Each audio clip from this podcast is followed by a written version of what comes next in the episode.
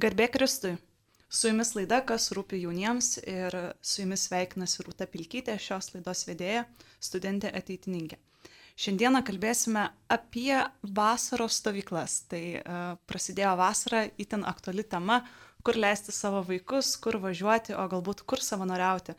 Ir su mumis šiandien studijoje trys pašnekovai - tai Jėva Bakutytė, jaunųjų ateitininkų sąjungos valdybos pirmininkė, taip pat studentė ateitininkė Laurinas Buda, ilgametis Berčiūnų stovyklų savanoris, vadovas, studentas ateitininkas ir Liudvikas Trikutė, stovyklos ilgametė programos vadovė, studentė ateitininkė. Labas, Rūta. Sveiki. Labas. Labai smagu Jūs čia matyti ir su Jumis kalbėtis, nes Berčiūnuose esame buvę mes visi e, kartu, tad manau, kad šitas pokalbis bus išties gyvas ir um, nestokojantis prisiminimų ir galbūt uh, netgi pristatantis, kas laukia šią vasarą, kokia bus ši stovykla. Tad galbūt toks pirmasis klausimas, kas yra ateitininkai, nes vis tik stovykla tai ateitininkų. Taip, tai čia geras klausimas, nes e, kiekvienais metais stengiamės ir stovyklai pabrėžti, kad čia ne šiaip stovykla, bet ateitininkų stovykla. Ir mes kaip ateitininkai ugdom jaunus lyderius pagal penkis principus - tai katalikiškumas, visuomeniškumas, inteligentiškumas, tautiškumas ir šeiminiškumas. Ir stengiamės tuos principus ir vaikams pertikti stovyklose ir veikiam visoje Lietuvoje šiaip. Tai Berčiūnai yra toks nacionalinis renginys vasara vaikams, bet iš principo ateitininkai veikia visoje Lietuvoje, visose amžiaus grupėse, pradedant nuo jaunučių, vat, Berčiūnų amžiaus grupės, baigiant sendraugiais, kurie jau yra užaugę, turintis patirties ir perėję dažniausiai didžiąją daugumą etapų ateitininkose. Tai tokie tie ateitininkai, trumpai tariant. Taigi, galbūt šiek tiek paminėsiu klausytojams, kas yra ta Berčiūnų ateitininkų stovykla. Tai jinai pradėta organizuoti 1992 metais ir į ją gali važiuoti 9-14 metų amžiaus vaikai. Tad galbūt toks kitas klausimas, aš manau, kad vienas geriausių dalykų, kuris apibrėžia stovyklą, tai yra, kai jos dalyviai tampa vadovais. Tai kiek žinau, tiek Liudvika, tiek Jėva seniau važiuodavo kaip, um, kaip dalyvės ir galbūt galėtumėt papasakoti apie savo pirmąją pažintį su Berčiūno ateitininkų stovykla, e, koks įspūdis išliko ir galbūt kas pastumėjo jūs e, tapti vadovėmis. Tai pirmiausia, aš atvažiavau pakviesta draugės, klasiokės, su kuria dar tebe bendraujame iki šiol. Ir tai buvo mano pirmoji stovykla, kurioje teko būti. Pri, pas, prisimenu, tuomet man buvo 13 metų.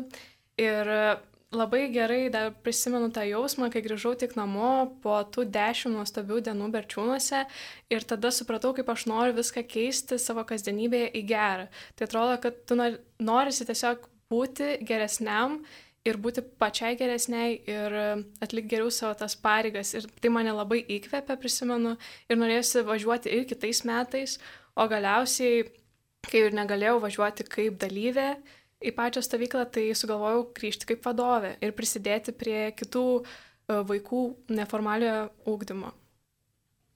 Tai aš irgi buvau vaikas ir dabar esu vadovė.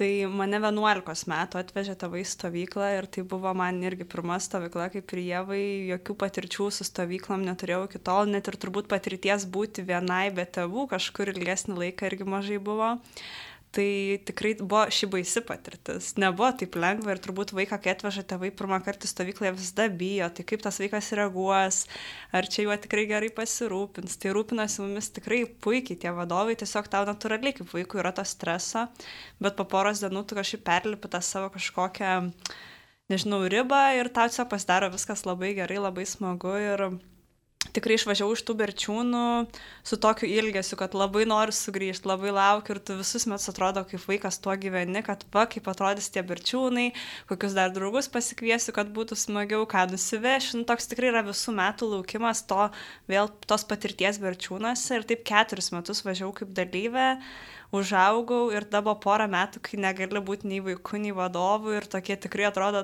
nu, tokia dikuma tavo gyvenime, tu nori, bet nėra kur. Ir tada aišku, važiavom į kitas ateitininkų veiklas, bet tų berčiūnų patirties vis tiek jos kažkaip ne, neužpildė. Ir tada greitai aš visai tapau vadovė. Pirmą kartą tikrai anksti nuvažiavau, 16 metų ir būtų tokia gan pagalminė vadovė, bet tokių didelių pareigų, bet, bet labai norėjau ir tikrai tas noras grįžti berčiūnus buvo begalinis ir tikrai tokių buvo ir mūsų daugiau. Tai va ir Laurinas tais pačiais metais pradėjo savo vadovo karjerą, tai tikrai grįžta tie vaikai ir dažnai mes grįžtam dėl to, kad matom tuose berčiūnuose kaip vaikai tuos vadovus kaip tokius nu, didelius žmonės, gal taip išsireikščiau, tokius autoritetus, kurių tu nori siekti ir nori pats tokiu būti.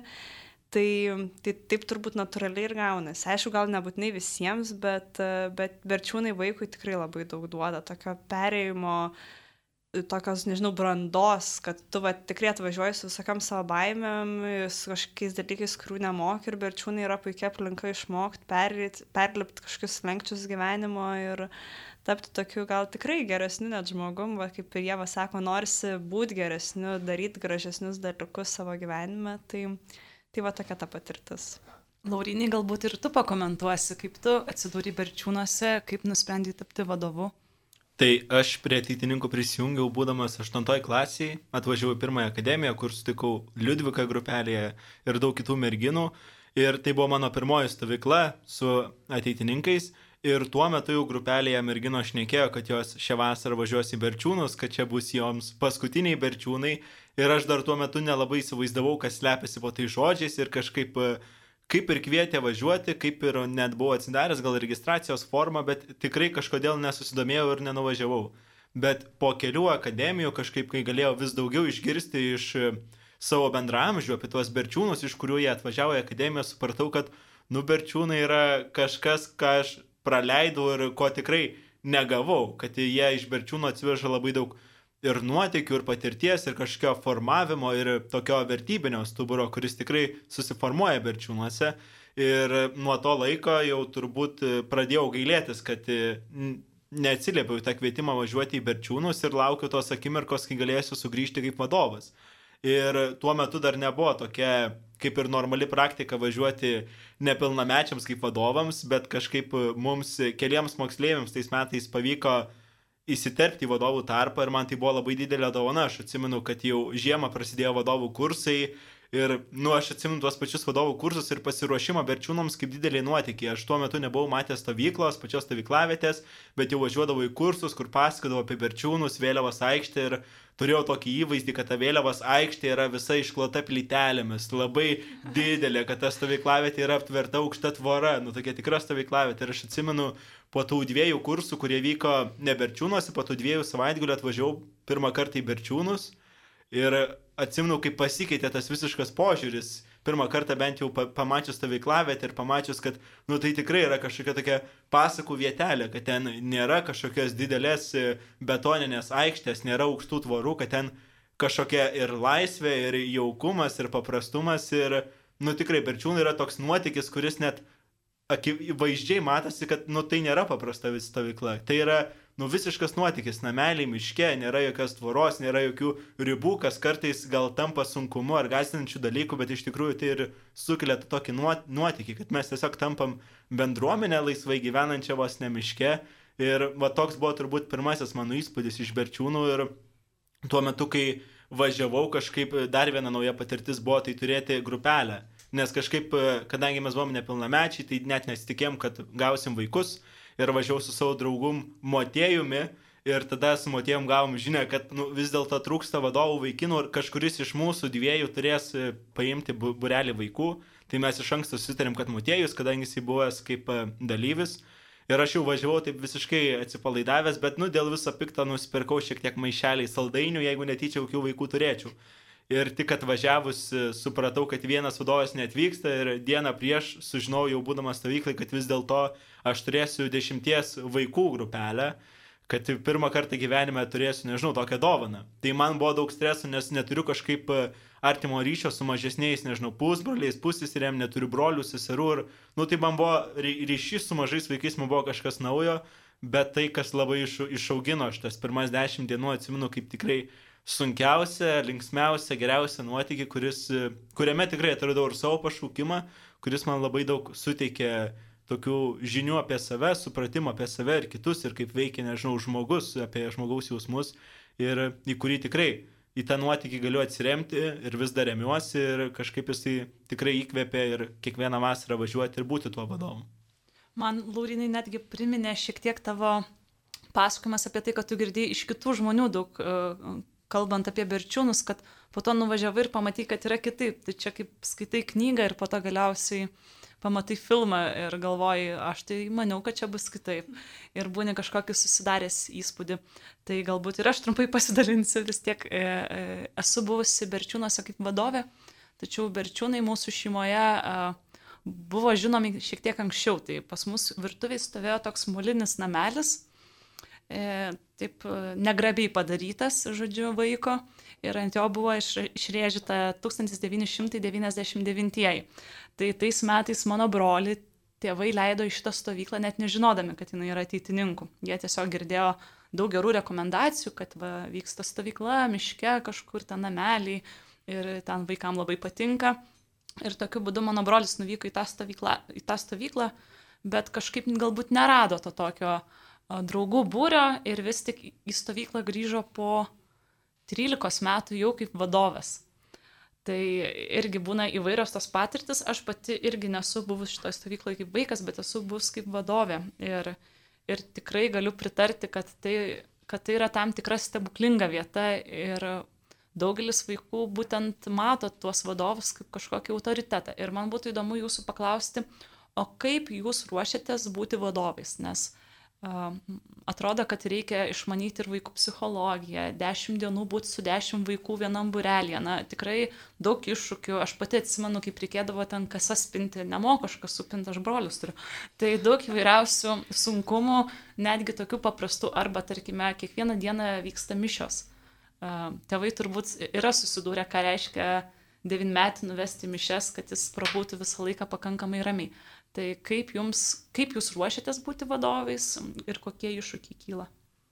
Tai aš irgi galiu pantrinti Laurinui, kad man irgi taip pateko dalyvauti vadovų kursuose, kurie truko visus metus ir mes tam kas kažkiek mėnesių susitikdavome savaitgaliais ir um, turėjom tam tikras paskaitas, turėjom taip pat rekolekcijas, taip pat kalbėjome apie vaikų psichologiją ir taip ruošiamės. Atrodo viskas taip teoriškai, taip labai nepra, nu, net nepraktiškai galėčiau pasakyti, ir tu nuvažiavęs vis tiek susiduri su tam tikrais iššūkiais, kuriuos tu turi spręsti čia ir dabar.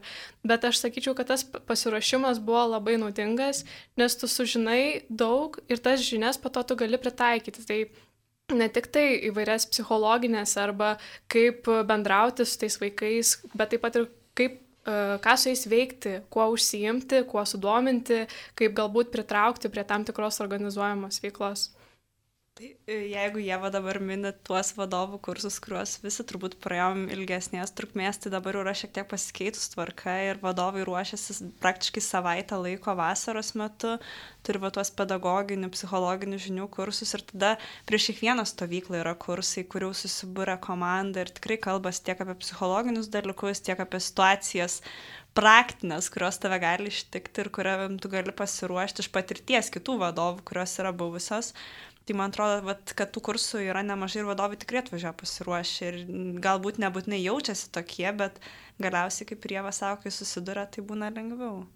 Ir dar gal vienas dalykas, kas be kursų padeda, nes atsimenu, kai, kai išgirdau, kad turėsiu vaikų grupelę kitą dieną, tai sėdėjau naktį kambaryje, mėnulio šviesoje ir tiesiog varčiau savo konspektus tų teorinių kursų, bandžiau įsiminti kuo daugiau faktų Ir galiausiai, kas man tikrai labai padėjo, tai kad vadovų komandoje susitinka skirtingos patirties žmonės. Tais metais atsimenu net ir mūsų komandoje buvo ir medikų, ir psichologų, ir mokytojų, ir panašiai.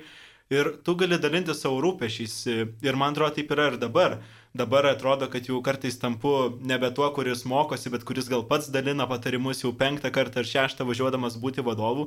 Bet man atrodo, ta bendrystė yra didelė jėga, kad yra ne tik teoriniai kursai, bet visada yra šalia žmonės, kurie, kurie tau padės, kurie išklausys, kurie duos patarimus, yra ir vyr vadovas ir tikrai yra labai stipri komanda, kuri irgi tikrai padeda būti gerų vadovų ir siekti to tikrai tobulumą būnant vadovu.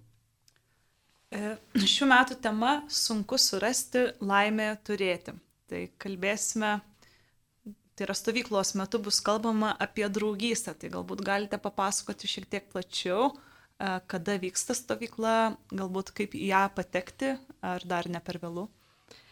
Tai taip labai puikiai pristatyti pavadinimą ir stovyklos vyks Liepos antroji pusėje ir rūpiučio pirmoji daly. Tai dar yra keletas vietų ir visą informaciją galima rasti www.berčiūnai.lt, ten ir užsiregistruoti ir paskaityti plačiau galbūt apie stovyklą, bet taip trumpai tariant, tai šiais metais jo mes gilinsimės į draugystę, į tai kaip kaip e, atrasti tą santykių su kitu, kaip pažinti patį save einantį santykių su kitu draugu, kaip išmokti mylėti artimą, kurti tą santykių tarpusavyje, paremta ne tik tai kažkokiais džiaugsmais, bet to pačiu ir pasitikėjimu, atsakomybę, e, rūpešių, dalinimus vienus, vieni su kitais. Tai apie visą tai kalbėsim per visas dešimt dienų. Ir dabar kaip tik dar vyksta kūrybinis programos procesas, galvojam tas vakaro programas, pamokėlės vaikams, kaip atskleisti tai, bet dažniausiai kiekvienais metais mes Berčiūnuose tą programą turim ganėtinai panašią, tiesiog kiekvienais mes akcentuojam tam tikrus kitus dalykus, tai būna tiek vaidinimų vakarai, kūrybinės programos, tiek šokiai, žaidimai. Man atrodo, vienas sėkmingiausių berčiūnuose dalykų tai yra dideli žaidimai, kuriuose mes įsijaučiame tam tikrus vaidmenis ir visa stovykla, 130 vaikų ir dar 30 vadovų. E, įsikūnė į kažką ir žaidžia kažką ir taip pat yra tą kažkokį bendrystės jausmą, tai lygiai taip pat prie šitos temos derinsim ir žaidimus. Tai visokiausių tų veiklų nusimato, kaip ir kiekvienais metais. Ir, ir tikrai kviečiam vaikus šiais metais e, mokytis draugauti, paprastai sakant, mokytis kažkaip kokybiškai draugauti. Turbūt labai gera tokia tema net ir po karantino, nes uh, daugelis į mokyklas grįžo tik tai paskutinį mėnesį. Tai kaip ir galbūt vėl e, atrasti tą ryšį su kitais, vėl išmokti padėti telefonui šalį, nes kiek žinau, berčiūnai garsėja tuo, jog uh, vaikai neturi telefonų visas dešimt dienų. Tai Taip, ir šiais laikais tikrai čia būna sudėtinga ir sudėtinga yra vaikui suprasti, kad jis dabar neturės to telefono. Kartais net tevam jau sudėtinga suprasti, kad jie tikrai atveš tą vaiką be telefono. Mes kaip vadovai susidurėm su visokiais telefonų slėpimais, bet iš principo tai tai yra tikrai išskirtinė patirtis šiais laikais atitrūkti nuo to ir gyventi visiškai tam tokiam tikrai pasakų pasauliu. Kartais pagalvoju, sakyt. aš net kaip vadovė norėčiau taip pagyventi, bet turbūt neįmanoma. Na dėja. dėja. Aš dar gal sugrįžčiau prie to aktualumo, kad m, tikrai man atrodo yra pats turbūt svarbiausias ir pats jautriausias e, dalykas šiuo metu tai yra draugystė. Nežinau, e, šiuo metu tenka visai dažnai važiuoti mašiną ir klausyti radiją, ar kažkaip vis dažniau kalbama apie liūdnus tiek skaičius, nežinau, galbūt tiek jaunimo, kuris e, galbūt yra padidėję polinkis į savižudybės, jaunimo, kuris yra vis uždaresnis arba yra naujausi tyrimai, kurie parodo, kad paaugliui toks laikas, kai jis negali bendrauti su bendramžiais, yra tikrai labai paveikus ir padarys tikrai labai liūdnų pasiekmių, kurios, kurios turbūt galbūt pasimatys tik ilgalaikiai perspektyvai. Ir todėl labai svarbu tą draugystę įsaugoti ir galbūt šiek tiek ir papraktikuoti, nes tikrai po to laiko, kai mes sėdėme prie kompiuterių, mes prarandame tos įgūdžius, man atrodo, ir mes prarandame studentai, nežinau, susitikę kažkaip atrodo vis iš naujo, reikia pratintis prie gyvų susitikimų ir gal turiu tokią patirtį globoti moksleivių, būtent to amžiaus jaunučių kuopą, tai esu globėjęs ir mes turėjom per karantiną beveik 20 kelis nuotolinius susitikimus.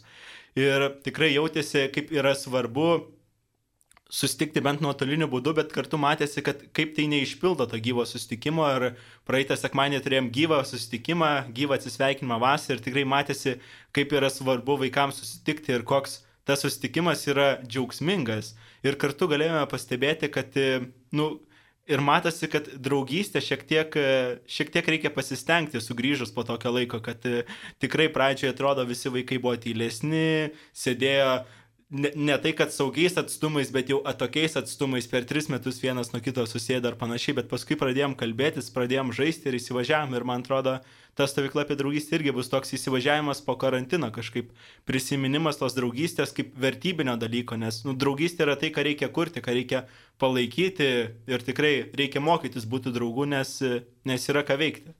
Kaip tik Klausant jūsų pasisakymų, man taip pat kilo mintis, kad e, nesvarbu, kokia tema yra šių metų stovyklos arba praeitų metų, mes visą laiką berčiūnuose stengiamės eiti tą gyvą santykį, tą tikrą ir pati, kaip prisimenu, atvažiuoti ir matyti tuos pačius veidus, kurie važiuoja metai iš metų ir matyti juos visus kartu drauge, kuriant e, kažką gero, tą tokį ryšį ir bendrumą, tai man atrodo, tai yra viena iš pagrindinių berčiūnų kaip stovyklos esmių ir taip, tai man atrodo labai svarbu.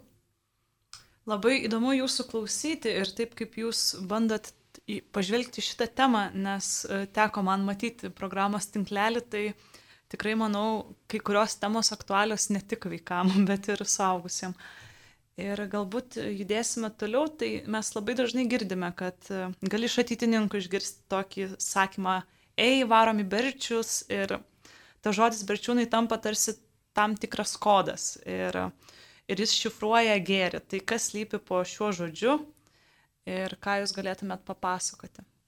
Tai pirmiausia, man atrodo, kiekviena berčiūnų diena prasideda taip pat. Visi susirenkame vėliavo aikštėje, turime bendrą maldą ir taip pat tos dienos temos pristatymą. Tai jo metu vyksta dažniausiai koks nors tai vadovų pasirodymas, toks kaip vaidinimas ir tuomet vaikai yra jau iš karto dienos pradžioj įvedami į tą temą dienos, apie ką mes šiandien kalbėsim, į ką mes gilinsimės ir kur mūsų bus šios dienos tas akcentas. Tai vėliau visi renkamės pusryčiui, valgyklą ir po to turime pamokėlės, kurių metu taip pat vyksta įvairūs užsiemimai ir um, skatinam ir norim tos vaikus ugdyti neformaliai. Tai yra supažindinti su įvairiausiais skirtingais e, ateininkiškais principais, taip pat užsimti įvairiom veiklom, žaidimais ir kitaip skatinti jų tą kūrybiškumą. Bet e, po pamokėlių, kažkaip, kai mes pabaigiam tą laiką, kai mokomės, einam pietauti ir po pietų turim laisvą laiką, kuris lygiai taip pat nėra tiesiog laisvas laikas, tai tiek ruošiamės vakaro programams, nes dažniausiai vaikai yra įtraukiami į tą programą taip, kad tai nėra tik tai, vat, atėjo jie vakare, pasižiūrėjo ir išėjo, bet jie tame dalyvauja ir turi tam pasiruošti, ar vaidinimą, ar žaidimo kažkokiam procesui turi pasiruošti.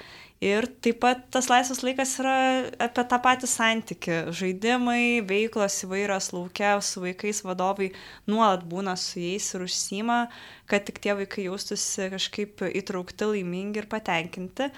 Na, o pasibaigus laisvam laikui, po visų maudynių, nes verčiūnai yra prie upės, kur galima, jeigu geras oras maudytis, e, mūsų laukia kiekviena, kiekvieną dieną šventos mišios ir e, po mišių mes iškartinam vakarieniauti. Tai tas, tas pusdienis antras jis toks būna ganėtinai laisvas, bet to pačiu ir užimtas. Na ir vakare susirankame vakaro programą, tai apie jas ir prieš tai truputį minėjau, kad kiekvieną vakarą laukia kažkokia kitokia kūrybinga veikla. Kažkas vis naujo nustebina tuos vaikus ir čia jau tikrai yra didžiulis vadovų indėlis ruošiantis, kuriant, galvojant, įsijaučiant ir, ir kitaip darant tą vakarą kažkokį išskirtinį. Tai taip ir pabaigiam tą dieną, visi kaip ir pradėjom, pabaigiam vėliavą aikštį, jau po visų programų susirinkę, nuleidžiam vėliavą ir, ir einam miegoti, aptarti dienos ir kažkaip tai ruoštis kitai dienai. Tai plus minus taip atrodo diena berčiūnuose, taip pat kai klausia žmonės, kas slepiasi po to žodžiu berčiai, taip slepiasi programa, va, visą tai, ką pristatėm su Jėva, bet tuo pačiu, man atrodo, slepiasi ir va ta emocija, kurią turbūt galis pajusti ne tik iš istorijų, kurias girdi, bet tik tai ten nuvažiavęs, pamatęs, įsijautęs ir galbūt ne tik tai atvažiavęs į pačią teritoriją ir apsižiūrėjęs, nes gal nebūtinai tokie pat geri, e, geros emocijos gali užplūsti, bet, bet pabuvus, pabuvus toje veikloje, pabuvus su vaikais, nes kartais man pačiai, kai atvažiuoju berčiūnus ne stovyklos metu, būna net taip, nu, liūdna, nejauku, nes tu lauki tų emocijų, vaikų krikštaujančių ir laukiančių tavęs ir šokančių. Tai tikrai berčiūnai, tie berčiai vadiname mūsų, man atrodo, jie yra visų pirma apie žmonės, apie tą santyki mūsų toje vietoje ir apie tai, kaip mes jį galim gražiai sukurti. Dar papildant Liudviką, taip pat norėčiau taip kažkaip pabrėžti tą, kad nebūtinai e, kai mes turim tą dienos tinklelį vadinamą ir jis kartojasi diena iš dienos, tai kad mes visi, visi tie žmonės, vadovai, vaikai, taip pat e, kas atvažiuoja galbūt pravesti net vienai ar porai dienų pamokėlių, mes visi gyvenam vienu ritmu. Atrodo, mes visi kartu keliamės, visi, visi kartu valgome, mes kartu melžiamės ir tas, man atrodo, labiausiai suvienyje ir e, būtent karantino metu pasijaučia tas toks, nežinau, bendrystės trūkumas, todėl mes ir renkamės šiais metais būtent kalbėti apie tą bendrumą, kas mus sieja, kaip mes galime kartu gražiai gyventi ir kurti gėrį. Šiuo metu klausote laidos, kas rūpi jauniems. Kalbame apie Perčiūno ateitininkų vasaros stovyklas skirtas 9-14 metų vaikams. Ir čia su mumis studijoje Jėva Bukutytė Laurinas, e, Būda ir Liudvikas Trikutė, tai yra studentai ateitininkai. Ir turbūt toks dar vienas klausimas, tai koks nuotykis iš Berčiūnų yra įstrigęs būtent jums? Aš galėčiau pradėti pasidalinant vienu iš labiausiai įsimintinų dalykų, ką dabar, nežinau, prisimenu geriausiai. Tai kaip atvažiuoja berčiūnas ir visi vaikai pradeda kalbėti ir iš tavo grupelės, ir iš kitų grupelių, kad, nu, tai kada bus šitas naktinis žygis. Ir tada tu toks galvoji, ojei, tai kur mes šią naktį eisim, tamsu, šalta, kažkaip baisu, čia aplinkui tas miškas, upė, tai dar nelabai gaudysi toj teritorijai, galbūt toks nesaugumo jausmas, ir, bet vis tiek visi pradeda iškart kalbėti apie tą tokį laukiantį nuotykį. Ir atrodo, visi taip nori, taip nekantrauja ir galvoja, kas čia bus, ko, ko mums čia tikėtis, kurią čia dieną, kurią, mus, kurią vakarą, kurį vakarą mus pažadins vadovai ir sakys, na va, keliaujame vaikai dabar į mišką.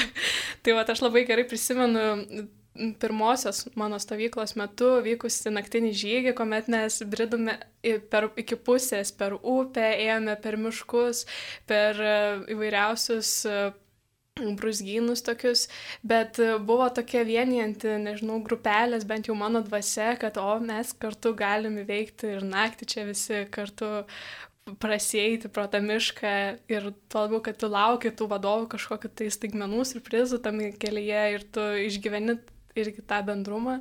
Tai vat, man atrodo vienas gražiausių tokių prisiminimų, kuris kartu yra toks nustebinantis, nes tu nežinai, ko tikėtis, tu nežinai, ko laukti to žygio metu. Man tai kažkaip labai daug visokiausių nuotykių prabėga ir, ir atrodo, po vienų rašą norisi braukti, po kitų juoktis, bet patys įsimintiniausi, tai patys patys įsimintiniausi, tai turbūt yra trys gimtadienį, kuriuos švenčiau būdamas vadovu Berčiūnuose. Kažkaip nesu tas žmogus, kuris mėgsta organizuoti savo gimtadienius. Todėl labai gerai yra atvažiuoti per gimtadienį Berčiūnus, kur tikrai yra fantastiška šventė, 150 žmonių, aš nežinau, kas tokiais gimtadieniais gali pasigirti, bet aš tai tikrai turiu tris nuostabiausius gimtadienius ir labai tikiuosi, kad jų bus ir daugiau kažkada tų smagių sutapimų berčiūnų ir gimtadienių. Ir dar vienas toks labai gal iš pernai metų įstrigęs nuotykis, toks gal vienas iš jautriausių, tai minėjo Jėva naktinį žygį, tai pernai buvo toks kitoks naktinio žygio konceptas, bent jau mūsų pamainoje, ir mes nusprendėme naktį įsivesti tik pačius vyriausius vaikus, kuriems tai buvo paskutinė stovykla prie laužo, turėjome tokį vakarą prie laužo ir įsivedėm tos vaikus ir kažkaip buvo toks labai labai smidenas ir jautrus vakaras, nes kažkaip mes tiesiog laisvai leidome laiką, šnekučiavomės ir tada padarėm tokį klausimų atsakymo laiką. Buvo keli vadovai ir buvo vaikai, buvo gal 30 vaikų ir jie klausinėjo, labai daug klausinėjo ir tada galiausiai gavom tokį netikėtą klausimą, sako. O mes nesuprantam, sako, o tai kodėl jūs atvažiuojat būti vadovais? Ir mes sėdėjom su tokiu vadovu Simu, sėdėjom du tokie jaunuoliai, virš 20 metų, tokie, nu, du tokie drūti vyrai sėdė ir mes kažkaip atsakinėdami į tą klausimą pravirkom tiesiog. Abu apsiašrom ir tada supratau kažkaip, nu tai buvo toks momentas, kai sėdėjau su tais vaikais, sėdėjau laužo švieso ir supratau, nu kaip man yra svarbu būti tuo vadovu ir mes, nu tikrai ten pravirkovom nemažai, kažkaip labai, labai rėžim tokias rimtas kalbas, ką mums tai reiškia. Ir tada po to kažkaip einant jau lydint vaikus į namelius, einant mišku, naktį kažkaip ėjau su viena grupelė mergaičių ir kažkaip pradėjom šnekėti apie superherojus, kažką pradėjom šnekėti apie jų savybės ir tada kažkaip jinai, viena mergaitė pasakė tokią frazę, kad sakė, jūs vadovai esate tikrai mūsų superherojai ir tikrai esate tie žmonės, į kuriuos mes norim lygiuotis.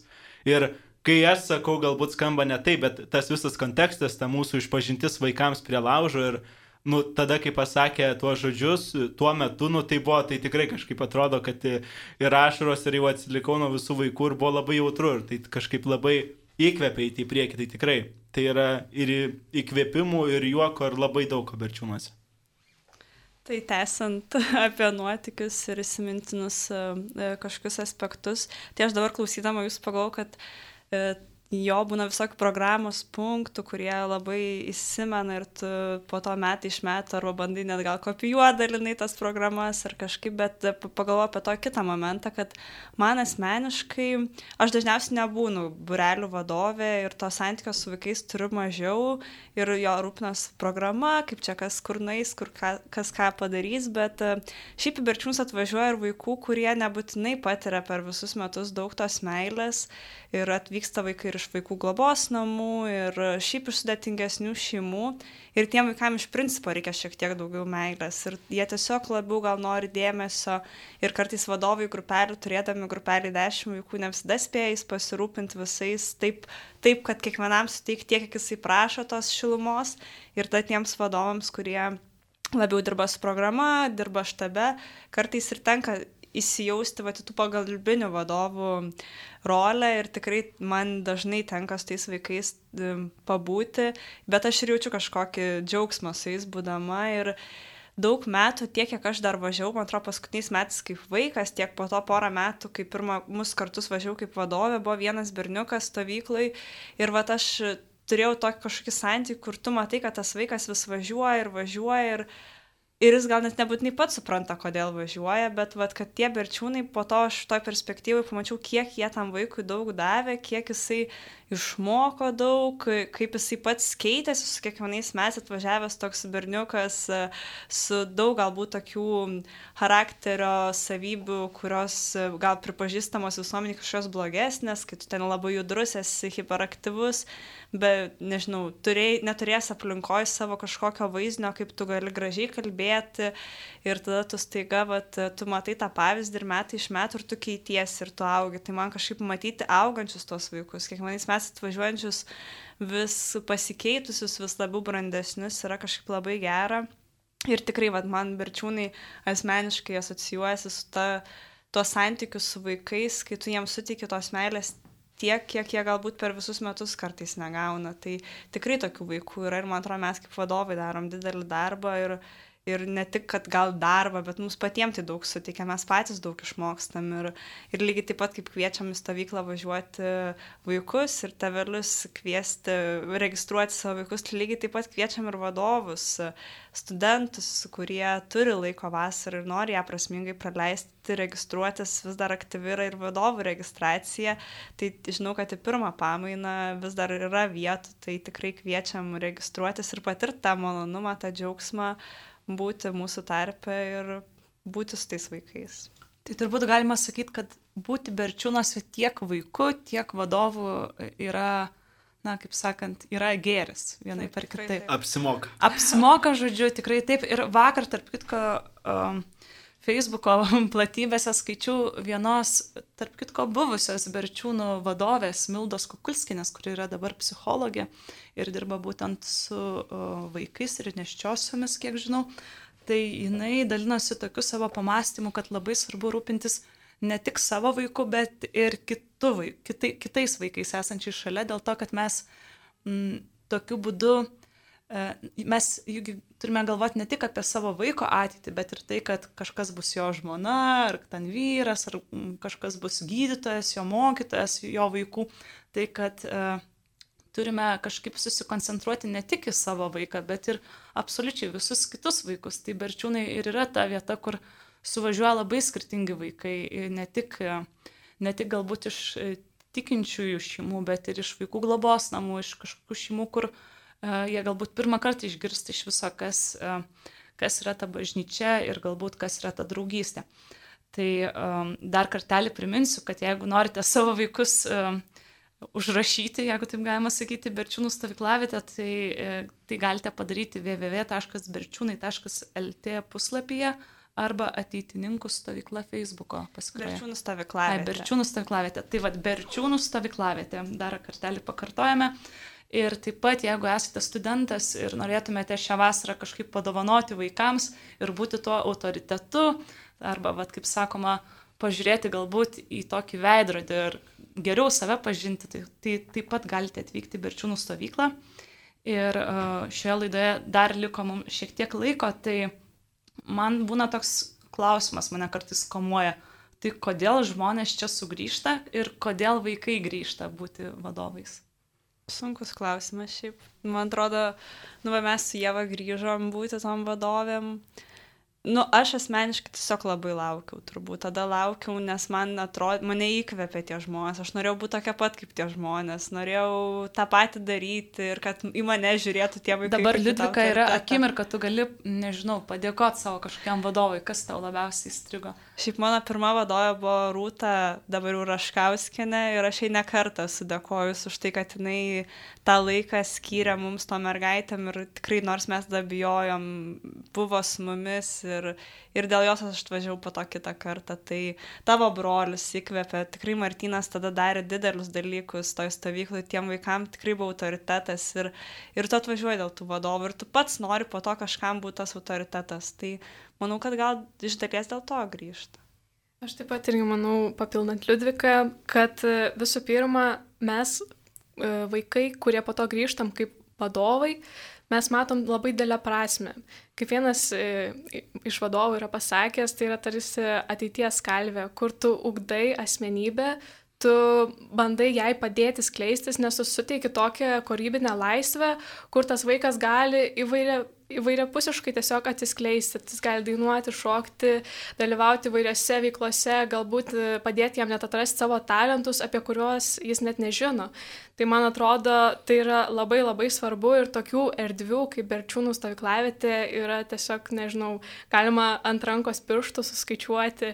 Ir tai yra ypatinga vieta, kur tiesiog per meilę, tą meilę, kur, kurią teikia vadovai, gali atsiskleisti patys gražiausi dalykai. Ir dar manau, kad yra savanaudiškų tikslų. Pavyzdžiui, aš tai tikrai turiu savanaudiškų tikslų, nes, nes man pačiam reikia berčiūnų. Man, mes su vienu vadovu kalbėjom, kad nu po berčiūnų tu pusmetį gyveni tokioj pasako arba prisiminimais, kurie grįžta į pasaką, kad tai yra tikrai kvėpimas, kad tu dar lapkritį ar gruodį, kai tau sunku, tu pagalvoji apie berčiūnus, prisimeni tą vasarą, tas patirtis ir jau tada, kai ateina vasario mėnesis, aišku, jau tos patirtis išblėsti jau darosi sunkiau, bet tada atsiranda vadovų registracija ir tada pradedi galvoti, o kokie bus šie metai. Ir tikrai, nu bent jau man pastaruosius kokius 4-5 metus, tai tikrai tie metai taip ir sukasi nuo berčiūnų iki berčiūnų, nuo berčiūnų iki berčiūnų. Tu grįžti, tu įsikvepi ir toliau vėl galvoji apie berčiūnus. O kas labiau žavi? Čia, ar ta rutina, kad tu visada žinai, kad viskas bus taip pat, arba, ar galbūt kaip tik žinojimas, kad tu gali pakeisti ir kažkuo papildyti? Tą stovyklą? Niekada nebūna taip pat. Tu žinai, kad iš tokių dalių susideda, bet tu jau važiuodamas visada žinai, kad tu žinai, kad tu nežinai, kuo pasibaigs ir kaip galiausiai atrodys ir ką, tu, net jeigu turi programos tinklelį pilną, tu nežinai, kaip galiausiai bus ir kaip ten atrodys, kaip, kaip seksis įsijausti ir kokios emocijos po to bus. Tai man atrodo, laukiam, mes tokiam laukime būnam. Ir man atrodo, labai svarbi sudėdamoji dalis yra vadovai ir vaikai. Ir vienas vaikas, nežinau, su savo, ta, su savo daina per talentų vakarą gali pakeisti visą stovyklą arba vienas vadovas e, su savo, nežinau, kažkokia nuotaika, su savo žaidimais, su savo kažkam veiklom irgi gali visiškai pakeisti stovyklos programą. Man atrodo, kad tikrai jie kuria ir vaikai, ir vadovai, ir, ir darbuotojai, nežinau, man atrodo, vienais metais atsimenu, tikrai buvo labai smagios valgyklos vyrėjos ir tikrai vaikai iš tų metų atsimena tas vyrėjas. Nu, net vyrėjos gali pakeisti stovyklos programą. Man atrodo, nu, stovykla įsideda, susideda iš visko ir tai niekada nebūna tokia pati, nes nu, visada būna bent jau 10-15, nu, dar daugiau naujų vaikų, kur jau kažkas kito, jau kažkas naujo. Tikrai galiu uh, pritarti tau, Laurinai, nes kaip tu kalbėjai, aš prisiminiau, kad prieš E, daug, daug metų, kai pirmą kartą buvau programos vadovė, buvau pakankamai jauna, antrą kursę, atrodo viską suplanavom, viskam pasiruošėm, bet nepasiruošėm, kad visą stovyklą lis lietus. Tai tiesiog e, teko keisti visus planus, e, perorganizuoti, perdaryti ir sugalvoti, kaip būtų galima paversti tą stovyklą įdomią netgi ir tokiu atveju. Tai labai ačiū Jums už šį pokalbį ir paprašyčiau dar e, po vieną sakinį arba po vieną žodį, kas jums yra berčiūnai. Namai. Draugystė. Meilė. Tai ačiū Jums ir čia buvo laida, kas rūpi jauniems, kalbėjome apie Berčiūnų ateitininkų stovyklą. Viso. Sudė.